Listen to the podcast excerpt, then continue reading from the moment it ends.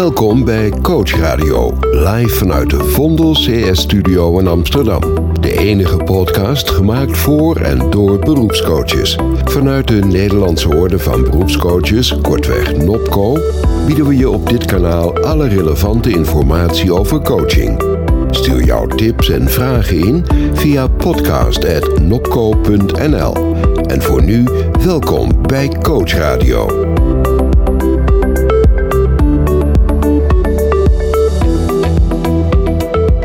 Een hele goede morgen en van harte welkom bij de allereerste Coach Radio van de Nopco.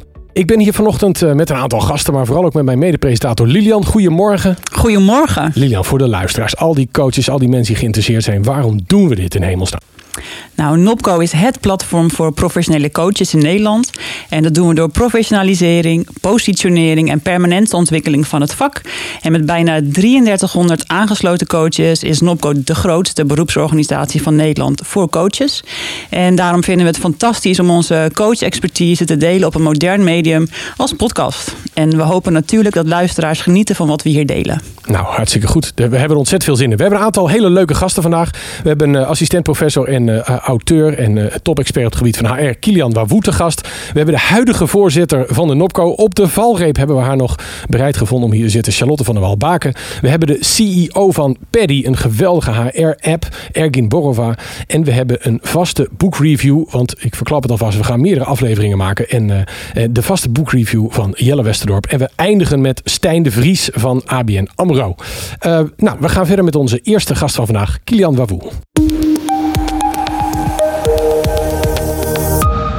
Kilian Wawoe was als internationaal HR-expert werkzaam voor ABN AMRO in onder andere Nederland, België, Monaco en India. Tegenwoordig is hij als assistent-professor werkzaam aan de VU. En daarnaast is hij een veelgevraagd spreker en consultant. U kent hem mogelijk van de online lessen op de Universiteit van Nederland, waar hij lezingen gaf samen met Erik Scherder. Onlangs lanceerde hij zijn nieuwste boek, Het Nieuwe Belonen. En vanmorgen wist hij tijd vrij te maken in zijn drukke schema om aan te bij Coach Radio. Van harte welkom, Kilian. Goedemorgen. Goedemorgen. Hey, in jouw nieuwe boek uh, stel je dat beoordelingen moeten worden teruggevoerd op prestatie. Moeten coaches hun cliënten eigenlijk ook meer begeleiden op prestatieniveau? Ja, een van de dingen die uh, mij opviel in het vorige of in het boek wat ik uh, recent heb geschreven, is dat het woord prestatie eigenlijk al heel lastig is, omdat de definitie van waar we het nou eigenlijk over hebben, dat dat vaak nogal misgaat. Um, en vaak zie je dat mensen worden afgerekend op resultaat. En dat zijn de dingen waar je, die uit je acties komen. En daar heb je zeker in een complexe wereld niet heel veel uh, invloed op. Mm -hmm. En je kunt je voorstellen, ik heb zelf heel lang bij een bank gewerkt. Als je mensen gaat afrekenen op het aantal verkochte hypotheken, dan loop je een risico. Want ja, dat hangt van dingen af waar je niks aan kan doen. Nou, een van de tips, en het, het zijn er meerdere, maar één daarvan is laten we wat meer uh, richten op de dingen die je wel kan beïnvloeden. En je niet richt op de dingen die je niet kan beïnvloeden. En als wij als organisatie met professionele coaches, hoe, hoe zou je dan coaches aanraden om ook met cliënten te werken? Want het gaat natuurlijk vaak over abstracte problemen. Uh, is er uit het boek een link te leggen met die coach? Dat je zegt, ja, maar kijk nou eens naar die, naar die prestaties. Hoe kun je mensen nou uh, beter maken in die prestaties? Ja, wat eigenlijk tegen de intuïtie is van veel managers, is dat het eigenlijk niet zo heel veel zin heeft om te kijken naar de uitkomsten van werk. Um, nogmaals, in, in, een, in een wat simpele omgeving is wat je in je werk stopt en wat eruit komt, is hetzelfde. Dus je, ik ben vakkenvuller bij de Albert Heijn. Ik steek er drie uur in of zes uur. Dan komt er ook ongeveer twee keer zoveel uh, productie uit. Uh, nou, Ergen gaat dadelijk praten als we het over software hebben bijvoorbeeld. Als je er twee keer zoveel tijd in steekt, wordt het niet twee keer zo goed. Dat, nee. dat kun je niet zomaar zeggen. Laat staan dat je weet hoe, hoe het gaat verkopen. Want dat hangt helemaal af van factoren waar je nou ja, niet altijd uh, invloed op hebt. Nou, als je mensen gaat afrekenen, maar ook gaat coachen op iets wat je niet kan beïnvloeden. Dat is natuurlijk ja, een bron van frustratie. Helder. Hey, maar wel steeds meer organisaties bieden medewerkers de mogelijkheid om coaching uh, te krijgen. Zie je dat als een positieve ontwikkeling of merk je ook uh, kanttekeningen? Nee, zeer positief. Um, Kijk, een van de dingen waar ik een oproep voor uh, zou uh, willen doen, is laten we eigenlijk stoppen met dat beoordelingsgesprek. Ook wel het veroordelingsgesprek genoemd. Dat is één keer per jaar bij elkaar zitten en dan kijken uh, hoe het gegaan is. Vaak ook door iemand die dat niet kan en niet wil, oftewel de leidinggevende. Mm -hmm. Waar je veel meer aan hebt, en dat is echt aangetoond, is, is coaching. Maar dan wel door iemand die daar enig verstand van heeft. Nou, ik begrijp dat ik nu, um, Godswoord, aan een ouderling aan het verkopen ben. maar um, coaching door leidinggevende is eigenlijk notoir slecht. Uh, en, en daar moeten ze echt bij ondersteund worden. Of, maar goed, dat is een andere optie. Besteed het uit. Maar laat het niet door iemand gebeuren één keer per jaar die dat toch niet wil. Dat, dat, dat kun je net zo goed niet doen. Oké. En dan zitten wij in een organisatie waar we altijd graag veel willen leren. En jij zit hier als HR-expert. Dus we kunnen wel zeggen dat wij zogenaamd expert zijn. Maar ik ben wel eigenlijk benieuwd van wat zijn nou dingen die jij belangrijk vindt aan een coach? Wat zijn kenmerken van je zegt, ja, ook dus de mensen die luisteren die starten met dit vak. Ja, focus je van nou eens hierop. Nou, dus een van de tips is focus je op de dingen die je kan beïnvloeden. En nogmaals, dat is een, een veelgemaakte fout dat we ons vooral richten op de dingen die we niet kunnen beïnvloeden. Um, en een andere is uh, probeer wat meer leerdoelen te stellen en wat minder dus prestatiedoelen. Dat is aan elkaar gelinkt, maar probeer iets te jezelf ten doel te stellen wat je daadwerkelijk kan beïnvloeden. Heb je daar een voorbeeld van? Want het, het klinkt natuurlijk uh, het, heel mooi, maar even heel concreet. Kunnen we dat eens concreet maken met een voorbeeld? Ja, het, bijvoorbeeld in een salesorganisatie, als je gaat zeggen, we gaan volgend jaar, of we gaan in de komende maand uh, 20% meer verkopen. Dat hangt dus af van dingen waar je niks aan kan doen. Uh, wat je wel kan afspreken, we gaan met z'n allen drie nieuwe manieren zoeken om klanten te werven. Dat, dat kun je zelf beïnvloeden. En dat, daarvan kun je ook mensen zeggen: dat heb ik gedaan of heb ik niet gedaan. Maar ja, die, die klanten, of ze komen ja of nee, nogmaals, hangt van dingen af waar je niks aan kan doen. Nee, heel helder. Hey, en wat is volgens jou van belang in de toekomst van coaching en de ontwikkeling van gelukkige en effectieve medewerkers? Als we nou kijken naar de toekomst, tien jaar vooruit. Jij bent best wel voorloper hierin. Je hebt daar een sterke uh, ja, disruptive voice uh, in. Op een hele uh, constructieve wijze. Waar, gaat dit heen, zeg maar? Wat moeten we doen? Ja, het is leuk dat je zegt constructieve wijze, maar ik kom ook wel leidinggevenden tegen die helemaal niet blij zijn met mijn idee hoor. Dus nee. dat, uh, uh, maar goed, dat is niet voor vandaag. Um, um, nou, hebben ze allemaal de, uitgenodigd. Hier zijn ze. een van de dingen die, ik, uh, die mij opvallen is als ik bij organisaties kom, is dat, dat je hebt nou een Chief Happiness Officer. Dat is ja. dan helemaal in. En dan, ik ben inmiddels tegengekomen de flipperkast. Ik ben tegengekomen zitzakken, poeltafels, spel, ja, poeltafels, spelcomputers. En binnenkort ook ergens een glijbaan. hartstikke leuk. Maar um, een, de relatie bestaat eigenlijk bij de gratie van hoe je met elkaar omgaat. Uh, dat is privé zo en op, op het werk eigenlijk ook. Dus uh, net zo min als een nieuwe keuken je relatie gaat redden, uh, gaan al die, die happiness dingen gaan, gaan ons werk leuker maken. Dus het, het goede gesprek, hoe we met elkaar omgaan, is vele malen belangrijker dan, dan de fysieke omgeving. En dat laatste wordt enorm overschat. Het moet vooral leuk zijn. Nee, het moet niet leuk zijn, het moet zinnig zijn. Um, en dan misschien tot slot hierover. De meeste medewerkers geven ook aan dat ze het liefst ondersteund worden bij groei. En niet zozeer de hele dag iemand willen hebben die, die happy komt doen. Dus ik denk dat dat een beetje overschat is. Als we daar nou eens over. Want dat, ik zie die ontwikkeling nu komen. Als we daar nu heel snel mee gaan stoppen. En het meer zoeken in, het, uh, in de relatie tussen mensen. Dat dat, uh, dat dat wat meer oplevert. En hoe zou de coach daar een actieve rol in kunnen spelen? Want vaak uh, gaat het natuurlijk zo dat HR zegt. Misschien moet jij een coach hebben bij dit probleem. Ja. is dat eigenlijk al de goede start?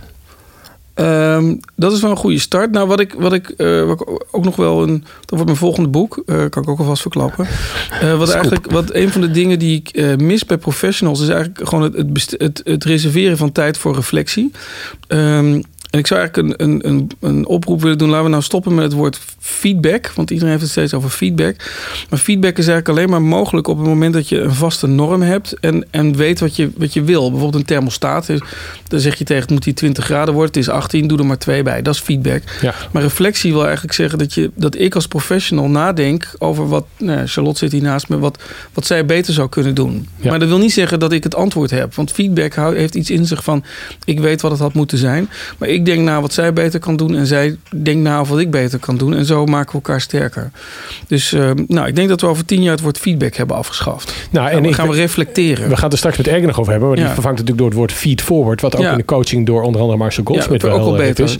En, en daarbij is het grote verschil dat die persoon zelf het doel aangeeft en vervolgens vraagt om suggesties. Is dat ook wat jij zou aanraden? Ja, zeker. Dat, nou goed, we bedoelen daarmee eh, hetzelfde. Ehm, je hebt ook allerlei andere modebegrippen. hè, Appreciative inquiry of feed forward. Eh, Eigenlijk doet die term er niet zo heel veel toe. Maar, maar feedback in de zin van alleen maar terugkijken en niet vooruit.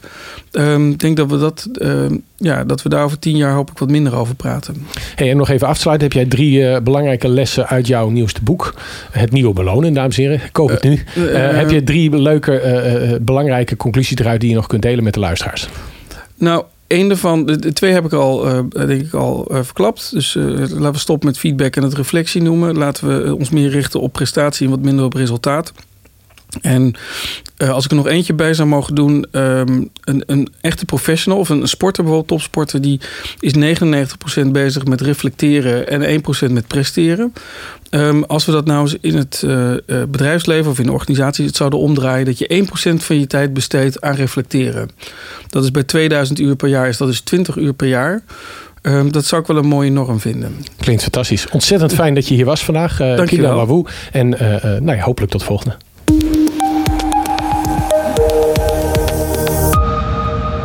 Charlotte van den Welbaken is al negen jaar bestuurslid, waarvan de laatste vier als voorzitter. Naast dit werk is ze actief als senior coach en gespecialiseerd in het begeleiden van medisch professionals en directieteams. Haar aanstaande afscheid beschrijft ze zelf als volgt: Ik kijk er tegenop, maar ik zie er ook naar uit. We vragen haar alles over deze spannende periode en kijken samen terug op haar tijd als voorzitter van NOPCO. Charlotte, van harte welkom. Goedemorgen. Wat fijn dat je er bent, Charlotte. Op de valreep van jouw lange carrière. Hey, nieuwsgierig, negen jaar tijd. Welke ontwikkeling heeft de NOPCO eigenlijk doorgemaakt in al die tijd? Uh, nou, een enorm aantal ontwikkelingen. Laat ik vooropstellen dat uh, de NOPCO de afgelopen periode ongeveer verdrievoudigd is. Uh, Lilian die noemde het net al, we zitten zo rond de 3300 coaches. En dat is naar mijn idee een prachtige bevestiging dat de NOPCO zinvolle dingen aan het doen is. Dat het een aantrekkingskracht heeft op een, een toenemend aantal... Je hebt niet stiekem de prijs verlaagd? Nee. Nee, oké. Okay. Nee, nee, nee, goed, dat is belangrijk in deze Nee, nee, sterker nog, de coaches die zich willen aansluiten, die dienen wel te aan, aan te tonen dat ze aan een aantal uh, criteria. En uh, dat, voor mij is dat enerzijds een mooie bevestiging. En anderzijds vind ik het ook heel belangrijk. Want het stelt ons in staat om nog meer zinvolle dingen te doen. Om uh, het vak verder te ontwikkelen. Een andere ontwikkeling die ik zie is dat de NOPCO echt een organisatie. We zijn echt een bedrijf zijn we geworden met een, met een flinke professionaliseringsslag die er afgelopen periode is gemaakt. we zijn behoorlijk aan de bak gegaan met de zichtbaarheid van, van coaching en daarmee de bekendheid van de toegevoegde waarde van, van coaching. Dus al met al kan je zeggen dat, dat NOPCO zich heeft ontwikkeld tot, tot het instituut of het platform uh, die de grootste groep van uh, professionele coaches vertegenwoordigt. En ja, daar ben ik ongelooflijk trots op dat we dat uh, met, met dit team voor elkaar hebben gekregen. En dan heb je uiteindelijk voor elkaar en dan ga je weg. Ja. Is dat heftig? Uh, nou, het, het, is heel dubbel, is het. Want uh, ik vind dat ik als, als voorzitter van, van deze prachtige beroepsorganisatie met een fantastisch team heel veel zinvolle en belangrijke uh, dingen aan het doen ben, waar ik ongelooflijk veel plezier aan, uh, aan beleef. Aan de andere kant denk ik dat het ook heel gezond is voor, nou niet alleen mijn werkdruk, maar ook voor de dynamiek in het bestuur. Hè. Dat, dat, maar stiekem, als je nou nog tien jaar mag blijven, wat zou je nog doen? Uh, nou, mij, ik, ik zou heel graag, waar we nu druk mee bezig zijn, met het inrichten van een leerstoel. Dat vind ik ongelooflijk jammer dat ik uh, dat niet verder nog uh, uh, kan doen. Maar daar zou ik heel graag de komende periode zelf nog mijn tanden in willen zetten. Um, ik zou me in toenemende mate willen gaan, gaan inzetten voor het, het, de, het aantal certificeringen. Het, het, aantal certificeringen van, van, van beroepscoaches en van coachopleidingen is toegenomen. Maar dat mag nog talloze malen hoger, mag het. En ja, last but not least is, ik zou heel graag dat heel coachzoekend Nederland zich echt bewust is van het feit dat een NOPCO-coach uh, voor professionaliteit uh, staat en dat een, de inzet van een NOPCO-coach een vanzelfsprekendheid uh, wordt. Nou, daar gaan we natuurlijk nog over hebben met wat kritische buitenstaanders vanuit de markt, want dat is natuurlijk ook wel spannend. Maar er zijn in, in Nederland, er wordt wel eens geschat en het zijn maar geen cijfers, maar ergens tussen de 20.000 en 50.000 mensen die zich wel eens coach noemen, soms incidenteel en soms zeggen dat ze dat fulltime doen. Maar er zijn ook mensen nu die stap willen zetten. Wat zou je nou zeggen tegen iemand die vandaag de dag denkt: ja, weet je wat, ik wil worden coach. Dat is een goed idee. En dan zeg ik: wat een gave stap. Voor mij is het het aller, allermooiste vak op de hele wereld. Omdat je zo dichtbij een mens of bij een team mag komen en uh, een bijdrage kunt leveren aan, uh, aan de ontwikkeling. tegelijkertijd zeg ik van hey, uh, er zijn ook dagelijks zijn er tientallen coaches die het hoofd niet boven water kunnen houden. Dus bereid je ongelooflijk goed voor. Zorg dat je een dijk van een mentor aan je zijde uh, hebt. Um, zorg dat je een, een gecertificeerde coachopleiding succesvol hebt afgerond. Ga je certificeren. Bereid je goed voor. Zoek een niche daar waar jij je echt in onderscheidt. Uh, nou, Kilian die noemde het net al. Uh, reflecteer, reflecteer, reflecteer. Uh, en 20 uur is absoluut onvoldoende. Doe intervisie, ja, want wat zijn de normen voor coaches? Kilian, je zit er nog bij. Wat zou jij een coach aanraden? Want die is natuurlijk de hele dag hiermee bezig. Wat zou je dan zeggen? Um, ik moet zeggen, die 1% is zo'n ondergrens. Maar als ik bij organisaties kom, uh, hebben ze één gesprek in het jaar. En dat is nog niet eens een promiel. Vandaar dat dat dan een enorme vooruitgang is. Tja, als je mijn hand en cijfers... En, ik, ik kan er niet... Ik, nou ja, als je, laten we het omdraaien. Als je niet iedere maand bezig bent met de vraag: doe ik nou wel de juiste dingen? Dan doe je denk ik iets niet goed, als, uh, ook als coach niet. Nee, helder. Hey, en, en, Charlotte, even, want jij gaat nou straks, er gaat een leegte in jouw agenda komen. Die is, ja. nou, dat hoop ik trouwens helemaal niet, maar er gaat wel iets heel veel veranderen. Um, uh, hoe zie jij je eigen toekomst? Je gaat zelf het vak weer in. Moeten we heel erg zorgen maken? Of, of komt het helemaal goed met jou? Nou, je hoeft je zeker geen zorgen okay. te maken nee, om mij. Ik heb er ongelooflijk veel zin in. Hè? De, de directieteams, de directieleden en de medische teams en medisch specialisten uh, die, die mijn tijd minder hebben uh, gezien. Daar kan ik nu weer meer aandacht aan, uh, aan gaan geven. En, ja, ga ik je nog een keer tegenkomen op, op een borrel? Oh ja, absoluut. Oh. De, ja, het, ik, ik ga zeker niet aan de zijlijn zitten. Ik ga mij laten upgraden tot master practitioner.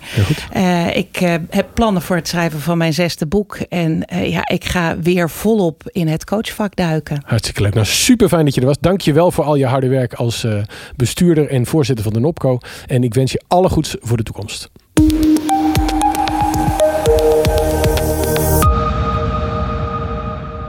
Ergin Borova startte zijn carrière als programmaleider, directeur en bestuurder in de wereld van woningbouwverenigingen. Als ervaren leider ervaarde hij, ervaarde hij dat functioneringsgesprekken en ontwikkeling van medewerkers alles behalve gediend waren bij de bestaande aanpak. Samen met zijn compagnon Agim creëerde hij de start-up Paddy, waarmee een nieuwe managementfilosofie werd geïntroduceerd middels een speelse app.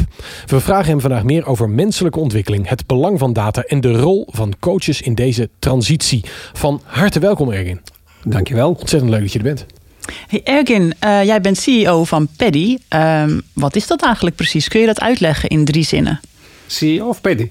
P uh, nou ja, uh, begin maar met waar jij mee wil beginnen. Um, nou, Paddy is een, een, een HR-tool wat ondersteuning geeft aan persoonlijke ontwikkeling en performance management. Um, wij willen toch wel geloven dat PD meer dan een tool is, omdat het gebaseerd is op een bepaalde manier van werken, bepaalde methodiek, bepaalde filosofie, waarin we uitgaan van medewerkercentraal om op die manier eigenaarschap uh, te geven aan de medewerker daar waar hij thuis hoort voor die ontwikkeling.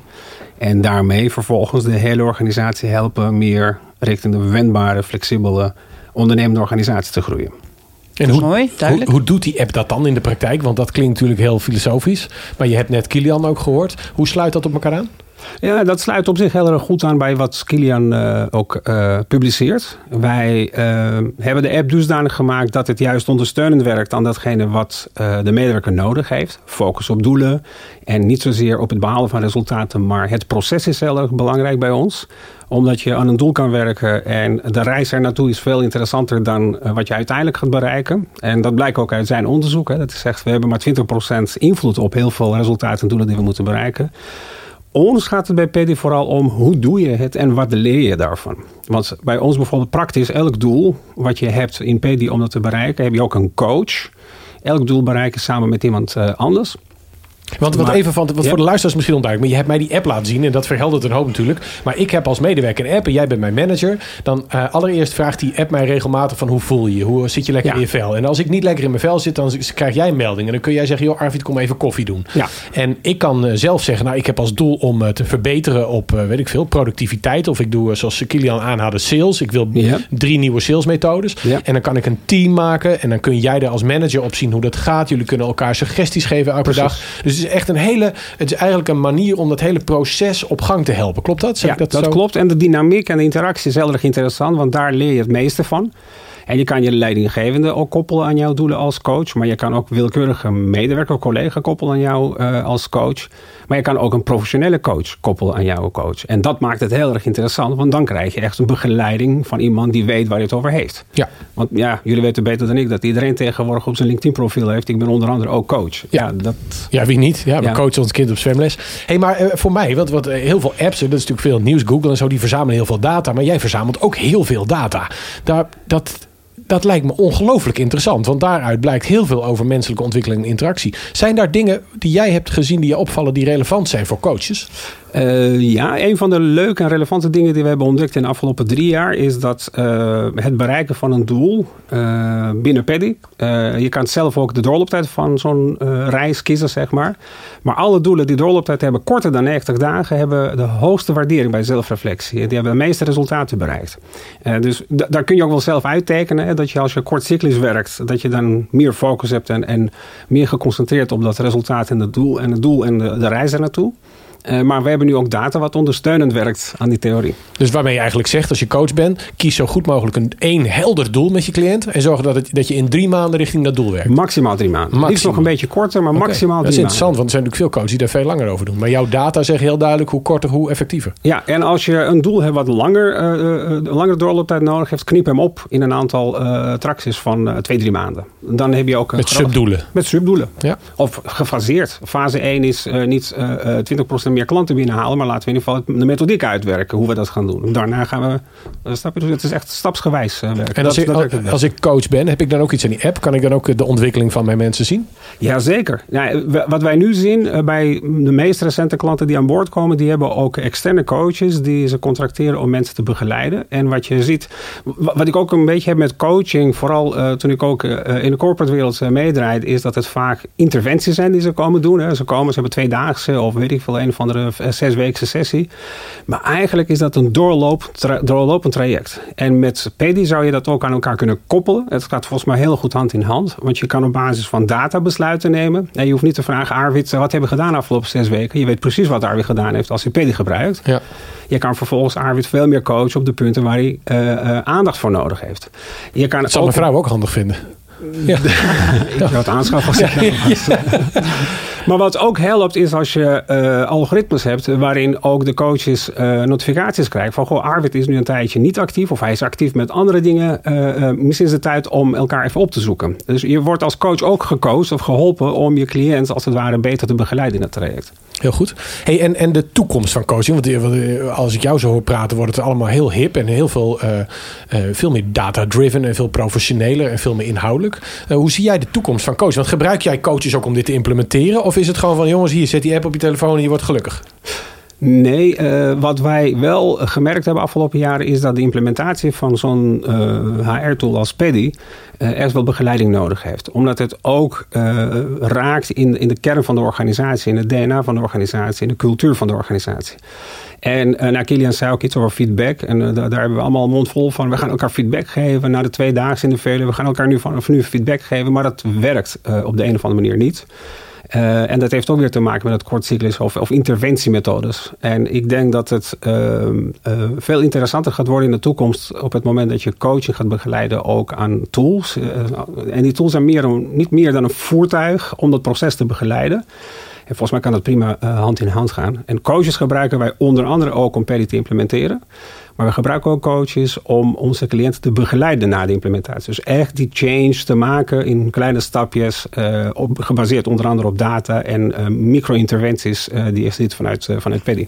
Hey, en wat is de toekomst van Paddy? Want wat, wat, zijn je ambities daarin? Ga je bijvoorbeeld ook, want ik denk dat heel veel coaches, jullie doen veel met HR en hele grote organisaties, maar er zijn veel coaches die misschien nog voor, voor je dit nieuw is.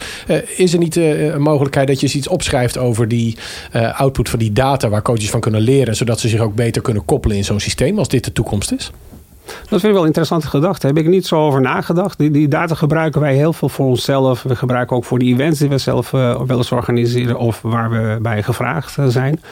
Maar misschien breng je me op een idee om dat uh, wel eens een keer te gaan doen. Want ik denk dat er wel een wereld te winnen valt op het moment dat je coaching en de data die wij verzamelen koppelt aan coaching. En kan je daar ook een aantal, nog los van PD trouwens, zou je ook een aantal data daarvan kunnen gebruiken om een aantal organisaties en cliënten te helpen. Ik denk dat wel interessant. Kun je daar zo over nadenken? En als, als laatste slotvraag aan jou. Jij gebruikt zelf die app ook uh, in het bedrijf omdat je het ontwikkelt en omdat je daar natuurlijk mee bezig bent, maar ook omdat je er zelf van leert. Wat is jouw, jouw belangrijkste doel wat jij behaalt dankzij het werken met Paddy? Um, ik kan me concentreren op één of twee doelen per kwartaal. Oké. Dat doe ik. Ja. En ik heb uh, voor dit kwartaal bijvoorbeeld persoonlijk een, een, doel voor mezelf gemaakt om meer te leren over marketing, content marketing en het effect daarvan op uh, de processen die we hebben om uh, nou, ons, onze boodschap te verkondigen. en daar had ik afgelopen kwartaal iets mee gedaan. En nu wil ik de volgende stap inzetten. En daar word ik in gekozen door iemand die daar verstand van heeft. Fantastisch. Nou, dankjewel dat je er was. En voor wie meer wil weten, kijk op paddy.nl. Ja. Het eerste item dat gaat uitgroeien tot stabiel en betrouwbaar fundament voor Coach Radio is de boekrecensie van Jelle Westerdorp. Zowel in zijn rol als coach als op zijn zeilboot is hij in staat om aan te voelen waar de sterke stroming zich bevindt. Als nuchtere Fries en vervent lezer is, als, is hij als geen ander in staat om objectief te kijken naar nieuwe boeken in Coachland. Welkom Jelle. Dankjewel Lilian. Hey Jelle, jij hebt het nieuwe boek van Kilian uh, gelezen, Het Nieuwe Belonen. Ja, dat klopt. Is dat ook leerzaam voor coaches? Ja, dat is uh, heel leerzaam voor coaches. Um, en ik moet zeggen, dat boekje van Kilian, dat is een 175 bladzijden. En van alle boeken die ik tot nu toe gelezen heb, uh, ook voor de Nokko, maak ik samenvattingen. Maar hier, hier heb ik geen samenvatting van gemaakt. Oh, waarom niet? Dit boek is intrinsiek een samenvatting van alle HR-kennis die je kunt bedenken uit de afgelopen 30, 40 en misschien wel meer jaren. Ik heb het gelezen en niet om arrogant te zijn, maar heel veel wat hij schrijft, denk ik, ja, ik heb heel veel literatuur gelezen. En wat hij hier schrijft, heeft hij gewoon echt geweldig verzameld. Uh, met elkaar in verband gebracht. Ja. En uh, met elkaar, als je dit leest, denk ik, als je als coach ook een beetje in het uh, eh, HR-vak geïnteresseerd bent en weet wat uh, speelt bij uh, ja, human resources en je denkt van nou, ik help die manager daarmee, dan is dit een zeer waardevol boek. Um, wat zijn dan bijvoorbeeld de opvallendste lessen? Of wat heb jij dan nu uh, paraat waarvan je zegt, oh dat moeten mensen echt weten? Ja, daar, het eerste wat ik eigenlijk zeg is waar Kilian nu net van zei, moeten we niet doen. Dat gaat over feedback. Maar um, het gaat vooral over informatie binnenhalen. En dat doet Ergin eigenlijk ook met zijn app. En als je dan medewerkers coacht, zorg dan dat je informatie binnenhaalt. Uh, meer dan alleen van de coach. Dus ook van collega's, van een manager of van een klant. En het aardige is dat de Coaching Monitor die uh, applicatie, zeg maar. Het, die 360 graden Die wij uh, aanbieden binnen de NOPCO. Dat die coaching monitor daar uh, um, ook aan voldoet. Ja, ja die ja. geeft daar mogelijkheden ja. voor om die peer, peer reviews te doen.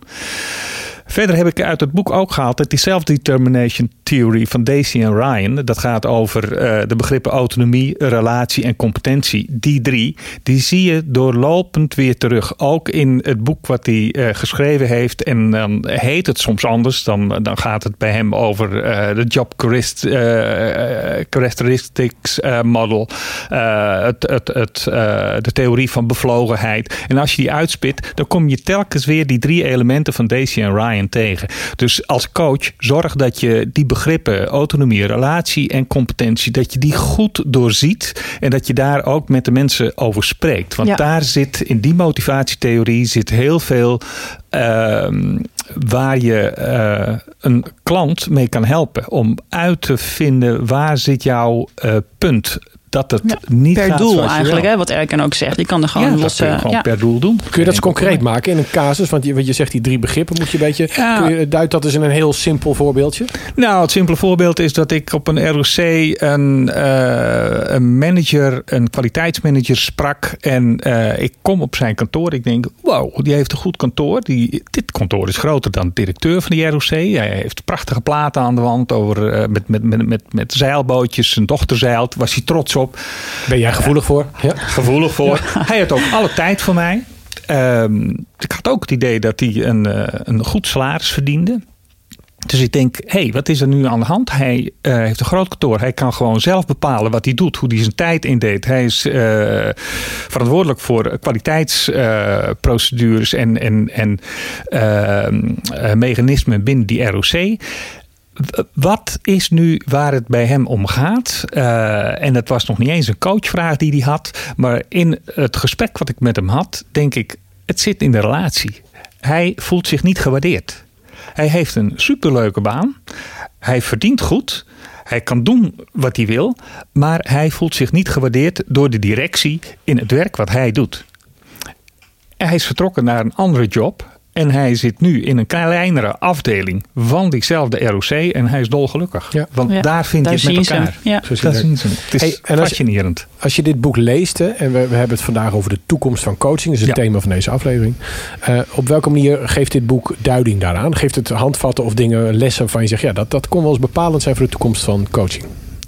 Nou, de toekomst uh, zit vooral in uh, dat waar Kilian ook over spreekt, het Tayloriaanse, dat een medewerker aan het werk is. En ja, uh, u vraagt, wij draaien. Hè? Dus uh, werkgever vraagt en de werknemer uh, die draait. Dat is niet zo. De werknemer die heeft zijn talenten en die wil die graag ter beschikking stellen. En de werkgever die moet de goede omgeving daarvoor zien te vormen. En dan heeft Kilian ook gelijk. Dat heeft niet te maken met glijbanen of met uh, hele dure koffie. Dat gaat om dat je die medewerker een omgeving geeft waar die intrinsiek gelukkig is. En dus, ja, ik zou bijna weer zeggen, waar die echt ertoe doet en gezien wordt. En dat betekent dat het vooral gaat uh, om de interactie tussen uh, collega's onderling, maar ook manager en medewerker.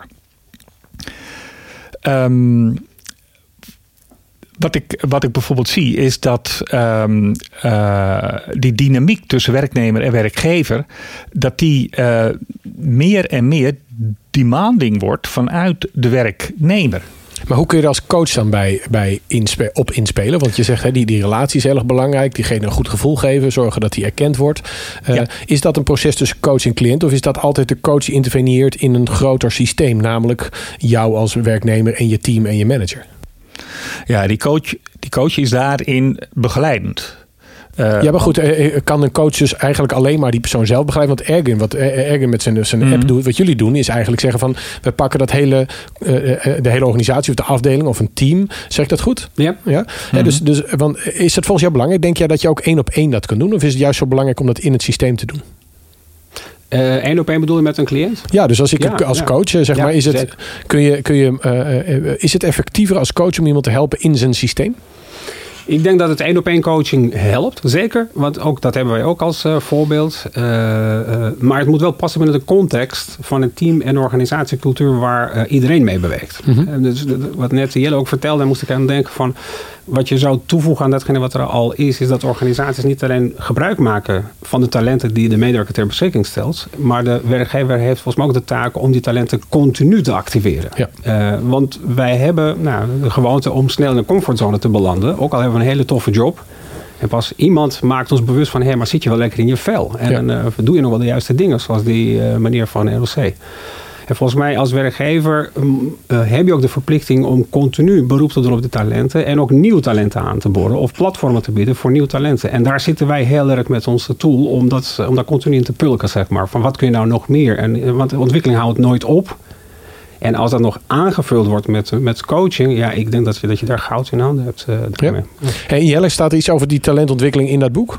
Ja, aanvullend op wat uh, Ergin zegt. Het, het, gaat dus om het verzilveren van talent. Zorgen dat je dat dus blijft ontwikkelen, want dat is verzilveren. Je moet het ook blijven oppoetsen, zou je misschien wel kunnen zeggen. En het, uh, het gaat dus om heel veel variabelen die daarmee te maken hebben. Het gaat over motivatie, het gaat over persoonlijkheid van mensen, het engagement, kennis, vaardigheden, de bereidheid om dingen te doen. Maar juist ook het toeval, wat Kilian zegt. De resultaten van een bedrijf die zijn soms aan toeval onderhevig. Daar kun je geen prestatiebeloning uh, op, uh, hangen. Het, het, gaat over leiderschap, maar ook over verwachte beloningen. En die, dat aantal variabelen. Um, daar moet een coach van weten welke effecten dat, dat heeft op mensen die ze begeleiden. En nu heeft Kilian daar een geweldige mooie formule voor bedacht. Wat ik Kilian zou vragen, in je volgende boekje probeert het dus uit te werken. Hoe gebruik je zo'n formule? Maar hij heeft in die formule wel die hele samenhang laten zien. En ik denk dat dat voor coaches echt van belang is om, om zich daar eens in te verdiepen. Dat er echt meer is dan wat eigenlijk alleen die coachie vertelt. Dus als ik het samenvat, zeg jij: dit is een prachtig samenvattend werk van heel veel literatuur en kennis die hij heeft verzameld en getoetst. Ja, absoluut. En daarbij is het voor coaches heel erg relevant om die kennis op te doen, om meteen uh, in gesprekken in organisaties bepaalde uh, structuren te duiden en bepaalde patronen te zien. Ja, ja. En in die zin, als je dan naar de toekomst van coaching kijkt, wat we nu HRM noemen, Human Resource Management, misschien moet het wel groeien naar Human Being Development. Ik vind het een hele mooie afspraak, Dielle. Dank je wel voor deze prachtige recensie.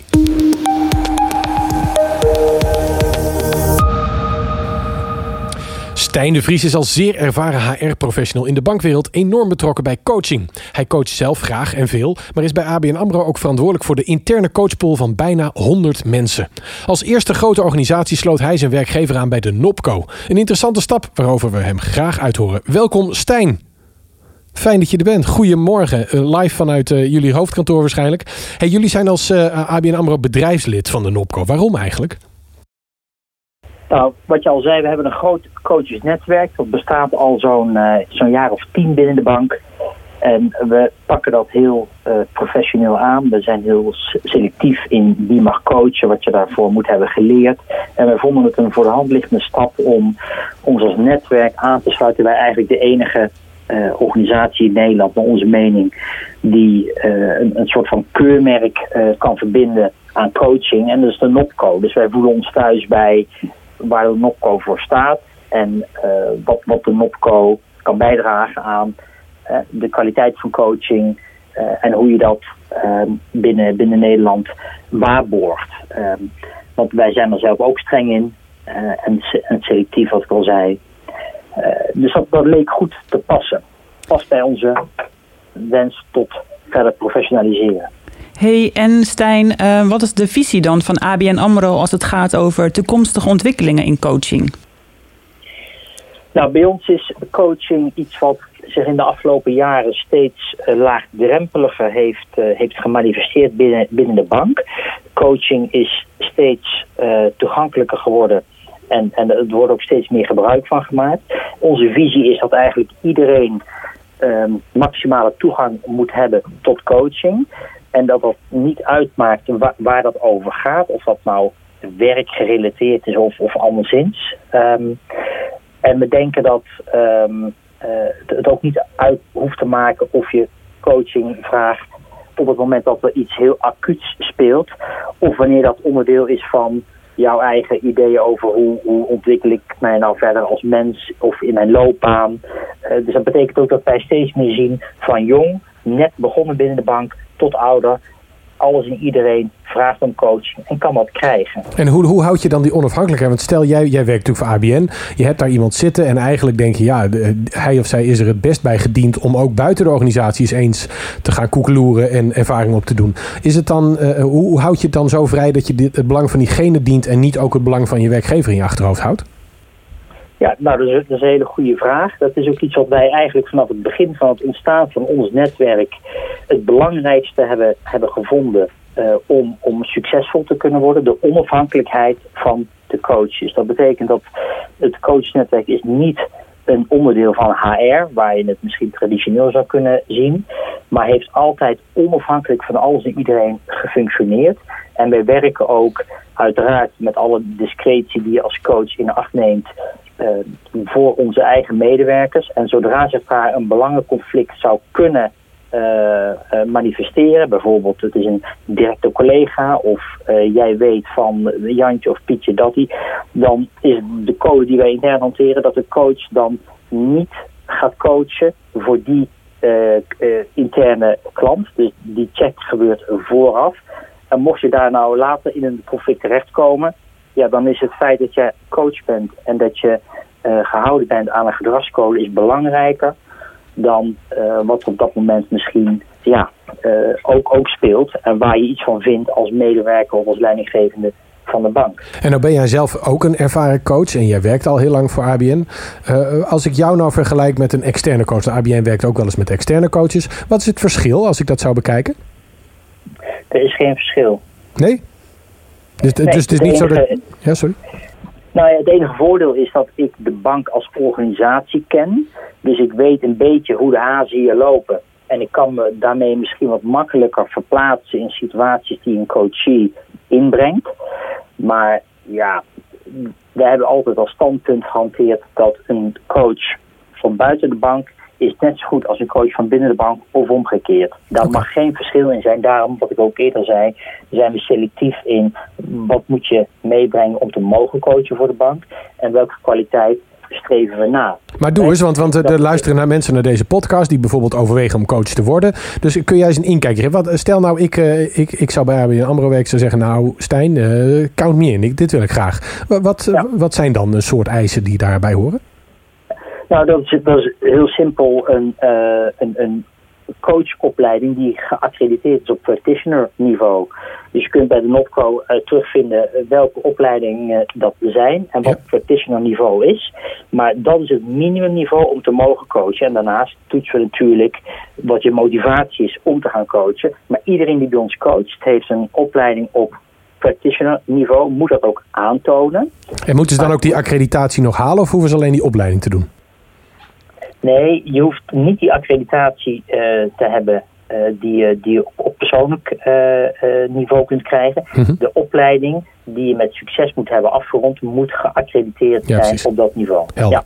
Hey, en, en hoe zouden coaches in, in, general, waar jij er dus één van bent, zich nou nog veel beter kunnen afstemmen op de vraag vanuit de markt? Want veel coaches zitten natuurlijk niet, die hebben niet de luxe dat ze die organisatie begrijpen en zien. Jij hebt dat wel. Hoe zouden coaches zich daar nog veel beter op kunnen afstemmen? En sorry, afstemmen op? Op de markt.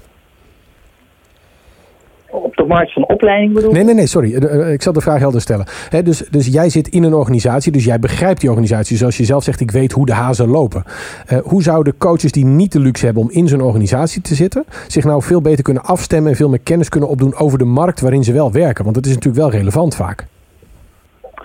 Uh, nou ja, dat, um, het kan denk ik helpen om, om wanneer je je in een bepaalde markt zou willen begeven, om je, om je iets te verdiepen in wat nou de, de meest voorkomende thema's zijn binnen die markt. Dat, dat maakt waarschijnlijk dat je wat sneller uh, een, een, een klik hebt met een, met een potentiële klant uit, uit die markt. Uh, en, en waar hij of zij mee komt. Aan de andere kant kun je je afvragen of, of het wel zo relevant is. Uh, een coach zou in theorie met elk vraagstuk uh, ongeacht uh, wie de klant is of waar hij of zij vandaan komt en, en wat hij wel of niet doet, aan de slag moeten kunnen. Mm -hmm. Je denkt niet dat, het, ik, dat een specifieke specialisatie daarin belangrijk is? Of denk je van nou, een coach moet een alles kunnen zijn? Ja, ik, ik, de, ik denk je, je mag je natuurlijk specialiseren naar, naar eigen voorkeur. Als iemand heel graag loopbaanvraagstukken doet, dan kan die binnen de bank heel veel doen. Want heel veel mensen hebben loopbaanvraagstukken. Maar um, dat is dan meer een kwestie van uh, waar je persoonlijke voorkeur ligt. Ik, ik geloof er niet in dat je uh, je als, als coach per se hoeft toe te leggen op een bepaalde markt omdat je daar dan beter zou kunnen coachen. Oké. Okay. Hey, en nog even tot slot. Uh, jullie zijn aangesloten bij de NOPCO. Wat is je belangrijkste verwachting voor 2020? Wat gaan jullie als coachpool halen en brengen in relatie tot de NOPCO? Nou, wij... Um, uh, we zijn heel hard bezig. Op dit moment is het best leuk om, om te zeggen om de visie op coaching binnen ABN AMRO, om die te vernieuwen. Om uh, als coachesnetwerk op verzoek van, uh, van onze learning afdeling bij te dragen aan een nog, nog scherpere en, en volwaardigere visie op coaching binnen, binnen de bank. Um, dus dat, dan, dat gaat weer over toegankelijkheid, over bijvoorbeeld teamcoaching aanbieden als uh, specialisatie naast één op één coaching. En wij kijken erg uh, naar de NOPCO, wat daar zo al gebeurt. En uh, we zijn ook heel benieuwd hoe andere coaches, netwerken, coaching pools dat, dat doen. En we hebben contact met die pools. Dat loopt deels via de NOPCO. We zouden ook best een vaksectie coachpools willen oprichten. Ja. Om nog beter te kijken wat je nou intern eh, prima kunt en zou moeten faciliteren. En waar eventueel de overloop zit naar, nou dat, dat wordt lastiger of moeilijker. Uh, bijvoorbeeld executive coaching. Is dat iets wat je intern uh, goed kunt organiseren of, of ligt dat weer gevoeliger? Ik weet het niet. Maar daar zijn wij ook met de NOPCO over in gesprek.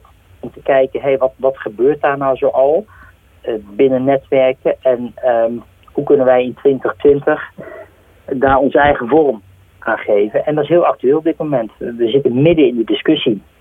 Nou, dat klinkt fantastisch. En het klinkt ook alsof jullie inderdaad uh, vanuit die coachpool expertise weer iets terug kunnen brengen naar de NOPCO. Dus dat is een, is een fantastische relatie.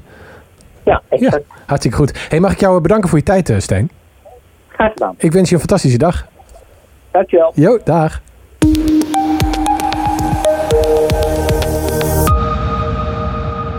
En dan gaan we verder met de allerlaatste nieuwtjes. Het, het item dat ik uh, samen met Lilian maak. Lilian, heerlijk, we zijn nu met z'n tweetjes, hè? Ja, de oh, studio is leeggelopen. Ja, nou, oh, we zitten hier alleen nog. Veel interessants gehoord, Arvid. Ja, de, Jelle zwaaide wel vanaf de bank. Die, oh ja, die voelt niet zich vergeten. vergeten ja. Maar onze fantastische techneuten zijn er. hey Lilian, uh, qua nieuws. Wat is er eigenlijk afgelopen jaar waarvan je zegt... nou, daar kijk ik wel, want we zitten in januari toch even op terug... met heel veel trots. Ja, leuk. de jubileumeditie van het symposium Coaching en Onderzoek. Tien jaar alweer. Dat eind november plaatsvond, was een groot succes. Alle 180 kaarten waren heel snel uitverkocht. Uh, er wordt ook elk jaar wordt daar een thesisprijs uitgereikt. En die ging dit jaar naar Eva van Duin. En we hebben het thema eigenlijk al een beetje gehoord met de bijdragers van Kilian, Ergin en, en Jelle. Uh, haar onderzoek ging over de rol van de werkalliantie en de vervulling van psychologische basisbehoeften binnen de effectiviteit van coaching. Zeer aan te raden. Heb je het gelezen?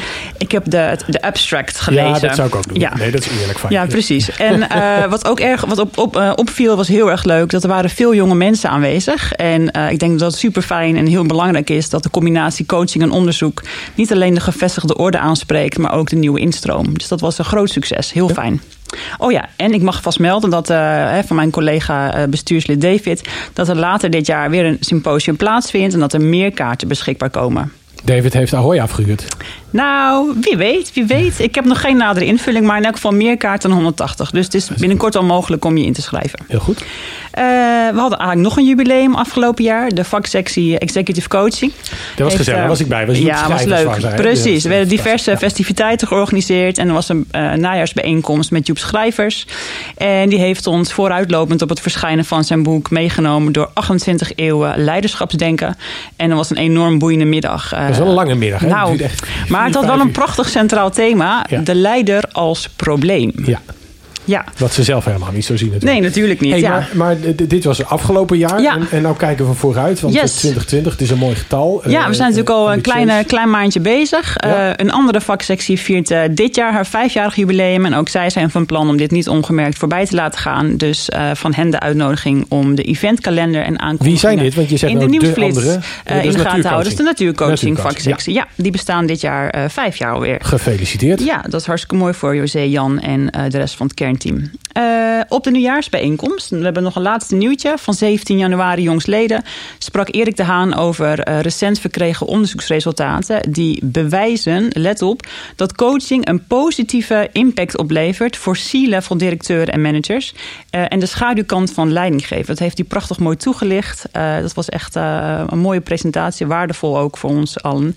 En het was dankzij het vroege wolk in ontbijt een vroege maar zeer inspirerende ochtend.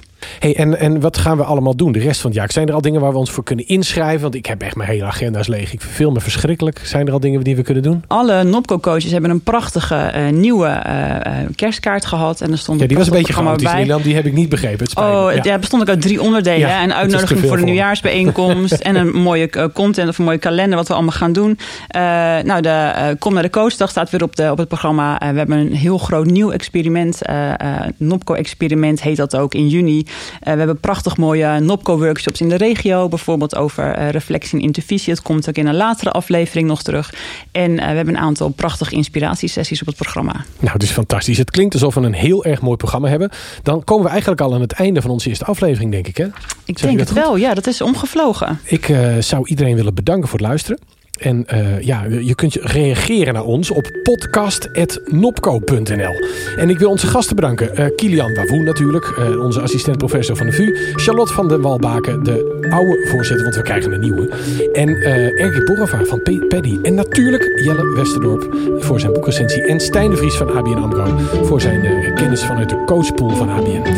leuk dat jullie hebben geluisterd. We hopen nog heel veel podcasts te maken. Dus kom met je ideeën, met je suggesties. als je zelf een keer te gast wil zijn omdat je echt iets te melden hebt, laat het ons weten. En graag tot de volgende keer. Tot de volgende. Groetjes!